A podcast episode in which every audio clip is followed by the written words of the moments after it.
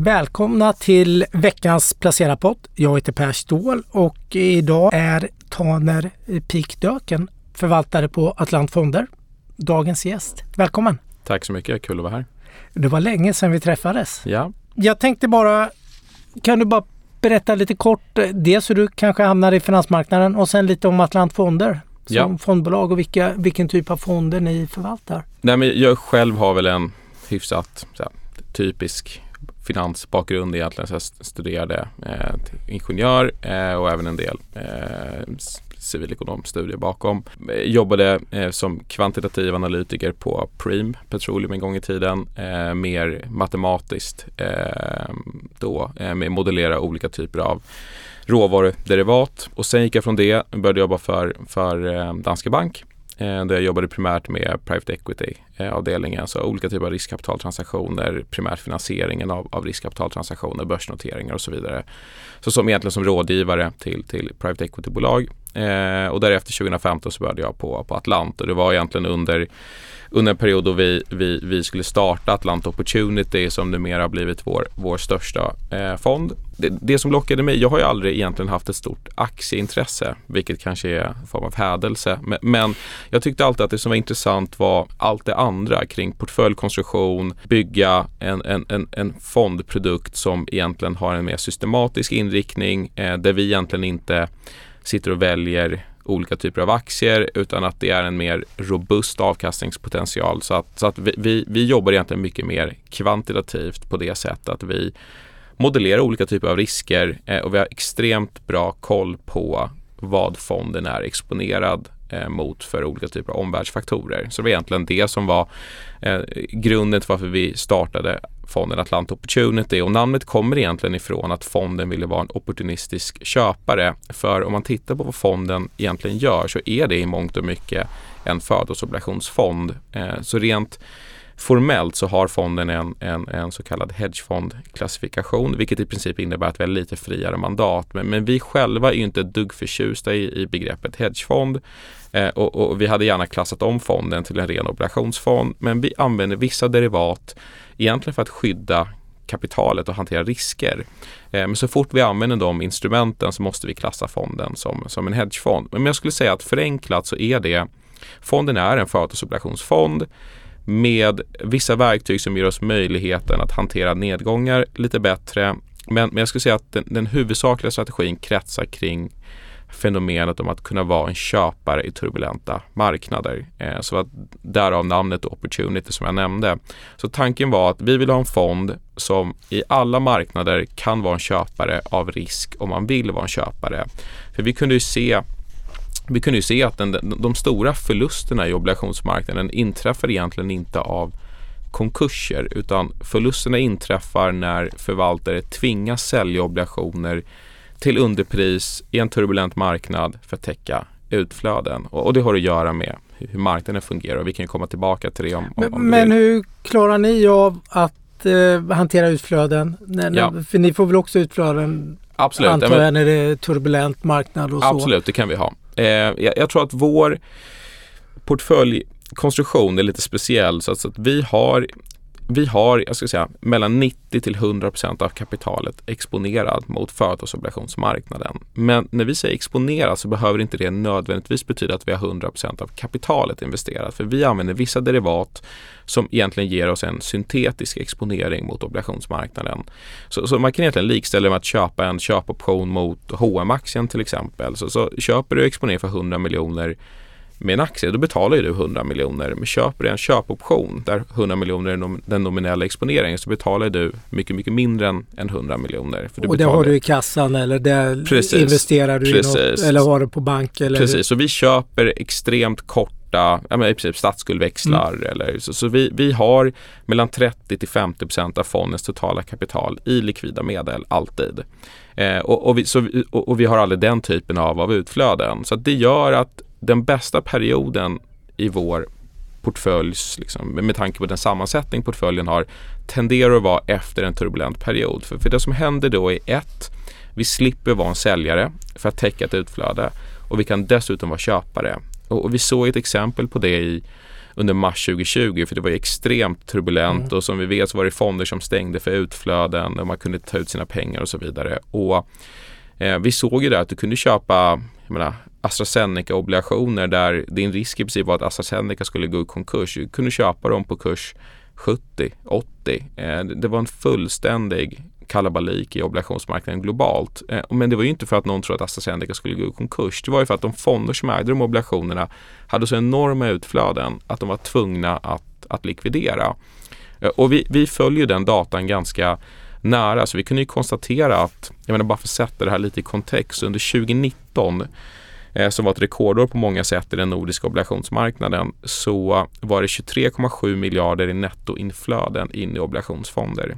Men bara under mars 2020 under coronaturbulensen då så gick 23 miljarder av de här 23,7 miljarderna ut på i princip två veckor. Så det är klart att de fonderna som hade fått in de här pengarna, de hade redan investerat de pengarna. Och helt plötsligt så var alla säljare.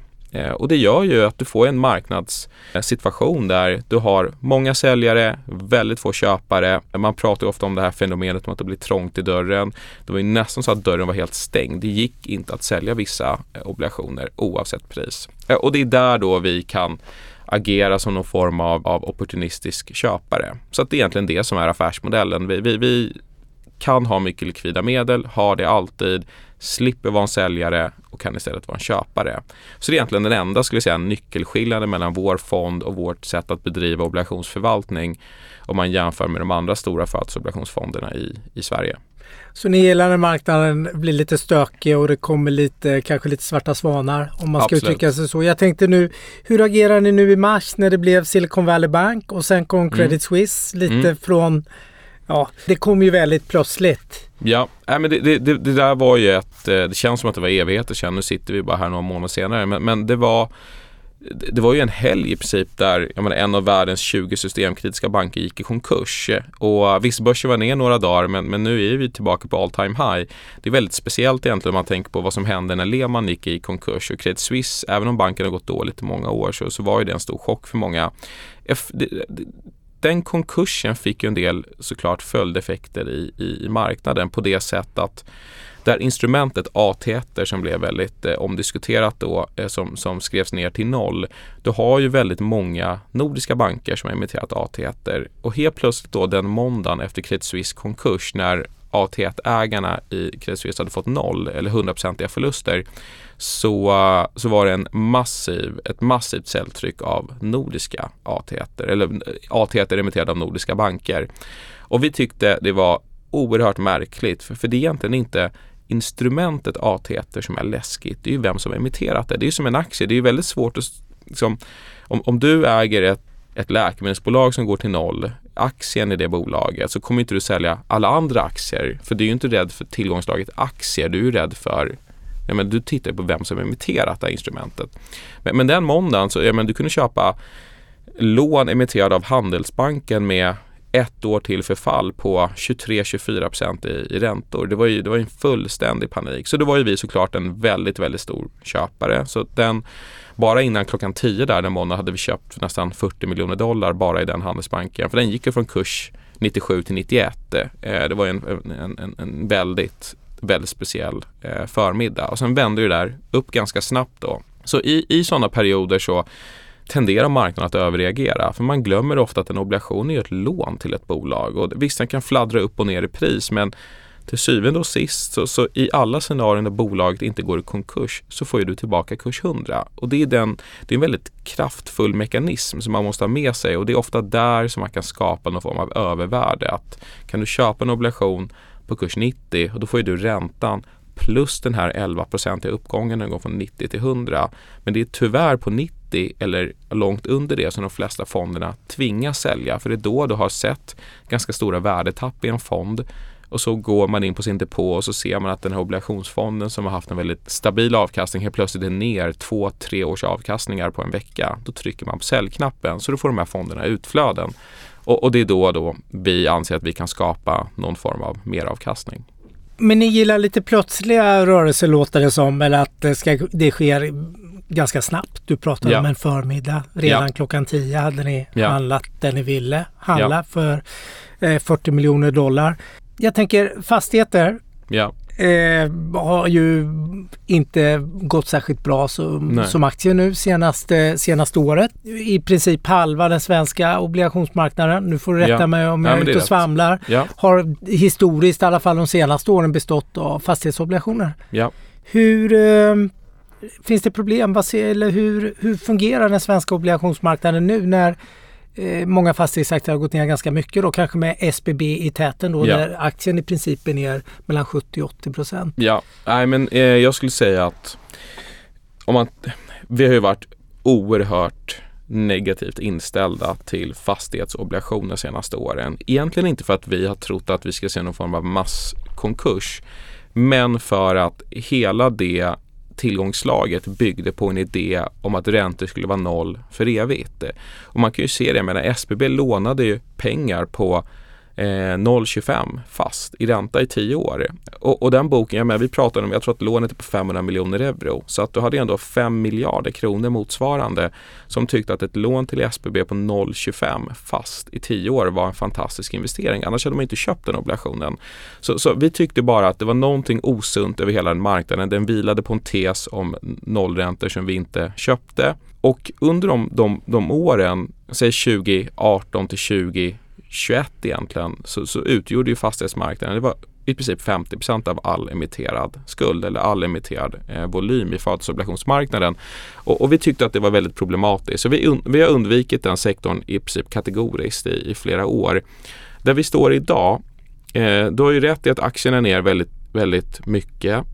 Vi har svårt att se att det värsta är bakom oss egentligen. För om man bara tittar på det så kan man ju se att de flesta obligation, eh, fastighetsbolagen har ju obligationer som ändå har en fast ränta som löper i några år. Så att det är inte säkert att eh, räntekostnaderna för de här bolagen har gått upp särskilt mycket idag. För att jag menar, att ta SB, de betalar ju fortfarande 0,25 SBB. Sen har obligationen handlat ner kraftigt, men det spelar egentligen ingen roll för bolaget. Men problemen blir ju om man börjar från säg, mitten av nästa år och framåt. För då kommer de här obligationerna till förfall. Och då ska de antingen betala tillbaka pengarna eller göra ett nytt lån då, emittera ett nytt lån för att betala. Och det är då du kommer börja se rejäla effekter. Så vi kan ju bara se hur obligationsmarknaden prissätter risk i Balder och ja, vi kan ta vilket fastighetsbolag som helst. Jag tror att de bolagen, skulle de gå ut och emittera idag så skulle de betala säg 10% plus för, eh, i årsränta. Och det, det går ju inte ihop. Om du har köpt ett, ett fastighetsbestånd på 4% i direktavkastning och det har du finansierat med lån på 10% så blir ju inte det mycket över till, till aktieägarna efter att räntan är betalad. Så att det kommer hända mycket där. Eh, fastighetsförsäljningar, det är det man pratar om. Någon ska ju köpa de här fastigheterna och vi pratar om volymer. Alltså det är förfall på åtminstone 100 miljarder kronor om året de kommande tre åren. Så, så, så det är inga små belopp som ska lösas. Eh, så, så jag skulle fortfarande säga att det finns undantag, det finns bolag som är solida, men, men vi tycker fortfarande att det är en, en del av marknaden som ser väldigt läskig ut. Eh, och, och, och jag tror inte att det värsta är, är bakom oss. I aktierna kan vi kanske argumentera för att det kan finnas aktier som har handlats ner för mycket. Men i obligationsmarknaden så ser jag fortfarande att du kommer ha en del bolag som kommer behöva slå sig ihop med andra eller hitta någonting annat på aktieägarnas bekostnad. Då. Eh, Så att nej, vi, vi undviker den. Och, och din fråga om hur det slår på obligationsmarknaden, det utgör ju fortfarande halva marknaden. Eh, Så det är klart att en, en oordnad SBB-konkurs blir ju inte, det är inte mitt huvudspår, men men jag skulle säga att det blir ju inte bra för de fonderna som sitter i de lånen. Eh, En oordnad konkurs i Heimstaden som, som Alecta är storägare i blir inte bra för vi pratar ju ändå om hundratals miljarder i obligationer som ligger i många fonder eh, och de prissätts ju inte till konkurs. Eh, så att det finns ju fortfarande förväntansbild om att man ska få tillbaka kurs 100 och jag hoppas att, att, att det är så det blir men, men jag ser ju ingen det, det, det, är inte, det är inte en lit, det, det, det är en för stor del av marknaden för att kunna känna att det är nu man ska in och köpa fastighetsobligationer. För, för att det är mycket som, ska, som behöver göras där innan vi känner att det finns stora köplägen. Så inga fastighetsobligationer i, i dagsläget. Men vad ser ni för andra möjligheter och risker på obligationsmarknaden just nu? Ja, jag skulle säga att de, de största riskerna är nog mer kortsiktiga prisförändringar. Men jag skulle säga att över tid så har jag nog aldrig, jag har nog aldrig varit så jag är ju generellt sett en ganska pessimistiskt. kanske därför jag jobbar med, med krediter och inte aktier, men jag är generellt sett en ganska pessimistiskt inställd människa. Men, men jag skulle säga att jag har nog aldrig varit så optimistisk som jag är nu. Mest på grund av att du har så extremt höga avkastningsnivåer i eh, i princip vilken födelseobligationsfond som helst. Så att du, du, du har ju många fonder som har en, en, en förväntad avkastning på 8 till 12 procent om året kommande två, tre åren. När har man sett det senast? Det är... Nej men det var, ju, det var ju länge, länge, länge sedan. Så jag skulle säga att du, kanske, du kan få runt 8 till 9 procent i årsavkastning genom att låna ut pengar till bolag som är ganska solida. Eh, så alltså, du behöver inte sitta med massa SBB-obligationer utan du kan låna ut pengar till ganska bra, men du får ju 7,5% för att låna ut pengar till Sagax. Eh, så det, det kanske är ganska bra i den här miljön där man är lite osäker på vad som ska hända i aktiemarknaden, hur mycket utrymme kvar på uppsidan finns det där. Man kan låna ut pengar till Sagax, få 7-8 procent i, i årsavkastning i tre år eh, där din risk i princip är att Saga ska gå i konkurs. Och tror man inte det så, så är det ett ganska intressant eh, placeringsalternativ. Så, så vi, vi, tycker ju att födelseobligationer generellt är väldigt attraktiva idag och väldigt attraktivt prissatta. Men det innebär ju inte att det kommer vara en noll volatilitet som vi har haft de senaste åren. För det har haft i princip, det är bara att ta upp grafen på, på vilken obligationsfond som helst. Så man har ju sett att mellan 2017 till 2021 egentligen så var det bara med undantag för mars 2020 så har det bara gått som ett rakt skott uppåt och inte haft någon volatilitet. Så jag skulle väl tro att den historiska trenden är nog bruten och det kommer bara lite mer volatilitet. Men återigen, den primära risk du tar om du är lite långsiktig, det är ju konkurs. Det är konkursrisk och om du konstruerar en portfölj som består av bolag som inte går i konkurs, då vet du exakt på kronan vad du kommer få i avkastning. För det är bara en funktion av räntan de här bolagen betalar. Så att vi tycker att jag menar, vi kan konstruera en portfölj eh, idag som avkastar ja, 8,5-9 procent och, och tittar man på, på, på listan då så kommer man se att det är, menar, vårt största innehav är, det är ju det här lånet till Handelsbanken. Eh, du får ju fortfarande 9,6-9,7 procent i avkastning till första mars nästa år, 2024 det är svårt för oss att hitta någonting som ser mer attraktivt ut än, än det. Så att det, det, det ger oss skäl att vara optimistiska. Vad, vad ska man räkna med att få om man investerar i Opportunity? Ja. Nu rent teoretiskt, vad ligger? Ja, det, det bästa svaret jag kan ge på den det, det, är ju om man, om man, det är ju vad vi kallar för för, för yield to maturity då. Så det är, den, det är den förväntade förräntningstakten i fonden. Så, så det är exakt den, det är en summa av räntan som obligationen betalar och ja, priset på obligationen som rör sig mot kurs 100, det vill säga förfallopriset på förfallodatumet. Och den är ju närmare 10 i fonden idag. Så att vi kan ju se det att om med den existerande portfölj som vi har idag, om fonden inte upp, har några större förändringar i kapitalet så kommer ju fonden leverera 10% om året de kommande tre åren. Det är där yielden och sen kan ju det komprimeras, kan gå snabbare, kan gå långsammare, du kan ha volatilitet på vägen. Men så länge vi inte börjar se konkurser i de här större innehaven så är det vad vi kommer avkasta. Så har du en bred portfölj så kommer du ju väldigt nära den sanningen över tid. Så att, att sitter jag här igen om, om, om tre år så tror vi att vi kommer leverera någonting som är väldigt nära de 10 procenten. Vad har ni för syn annars? Jag, läs, jag brukar ju mm. läsa Anders månadsbrev. Ja. Eh, såklart. Ja. Eh, och du är säkert med och bidrar med massor med input där också. Hur, vad har ni för syn nu? Ni har ju varit ganska negativa. Ja, det är vi fortfarande. En... Ja. ja, men vi är ne negativa. Det finns ju många skäl till det, men, men jag menar, du har haft räntor som har gått från 0 till ja, säg 4, 4,25 i Sverige, 5,25 i USA. Du har tveklöst problem med vissa delar av ekonomin. Eh, och fastigheter, hushåll, retail och så vidare. Konsumenterna blir ju drabbade. Jag menar, det, det, det är inga det, det, är inte svårt att förstå varför en konsument har mindre pengar i plånboken idag när, när räntorna har gått upp. Du börjar se tecken på att arbetsmarknaden börjar försämras, vilket i sig är logiskt. Och trots det så är vi vad? 2% från all time high. Det slår jag som väldigt märkligt. Eh, I oktober förra året så tyckte vi att det såg lite billigare ut och då fanns det skäl att vara optimistisk. Men där vi står idag så är det, det är svårt för oss att se ett scenario där, där aktier kan fortsätta handlas på de här multiplarna om det justerar för räntan. Så, så jag skulle säga att vi är nog ganska negativt inställda till risktillgångar generellt och primärt aktier. Vi ser inte en snabb räntenedgång. Vi tror inte att räntesänkningarna från centralbankerna är eh, nä, eh, liksom ligger nära i tiden. När tror ni att de, vi får se första men, räntesänkningarna från Riksbanken eller Fed? Jag tror att så länge arbetsmarknaden inte försämras och vi går in i en ganska rejäl avmattning så tror inte jag att det kommer några räntesänkningar. För att man, jag menar, vi, är fortfarande, vi har fortfarande negativa realräntor. Så, så man kan ju, jag menar, om du fortsätter visa inflationstal på 7, 7,5, 8 beroende på vilket tal du kollar på och så har räntor på 4 som kanske höjs upp mot 4,25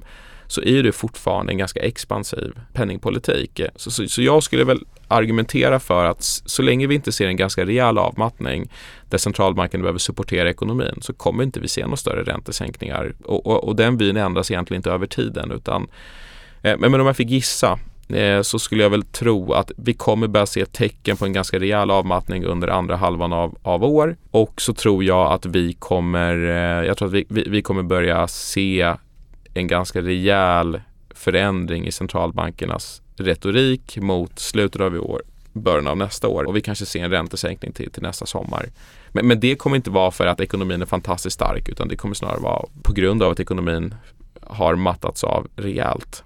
Eh, så, så, jag skulle inte lita dugg på centralbankernas inflationsprognoser för de har ju visat sig alltid vara helt, helt fel. Utan jag skulle bara titta, följa industri, eh, data väldigt nära och titta på konsumenterna som ändå står för halva ekonomin i, i Sverige. Och konsumenterna mår ju inte bra idag och det kommer förmodligen bli sämre. Så, så länge räntan håller sig här, för varje dag som går så kommer jag nog bli mer och mer negativt inställd till aktievärderingarna på, på de här nivåerna. Hur ska man tänka om man eh, som eh, fondsparare vill investera i er fond? Hur, hur lång mm. Eh, tidshorisont? Ja, vi rekommenderar ju alltid säg, åtminstone tre år. Mest på grund av att priset på en obligation kan gå upp och ner kortsiktigt. Men om du har en fond som har en genomsnittlig, säg löptidsprofil i fonden som är två år. Då vet du att över två år så kommer åtminstone 50% av fonden gå till förfall. Och det gör att du kan få bort effekten av de här prisförändringarna. Så jag skulle säga att vi, vi rekommenderar minst tre år, mest för att det då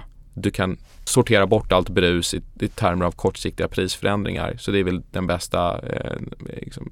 men, men jag menar, fonden är ju tänkt att skapa en avkastningslik Eh, eller aktielik avkastning över tid. Det vill säga vi ska avkasta runt 500 punkter över riskfri ränta, vilket är där aktiemarknaden legat historiskt. Eh, så att jag tycker generellt att man alltid ska ha en långsiktig aktievikt i sitt privata sparande, för det är det som över tid avkastar mest.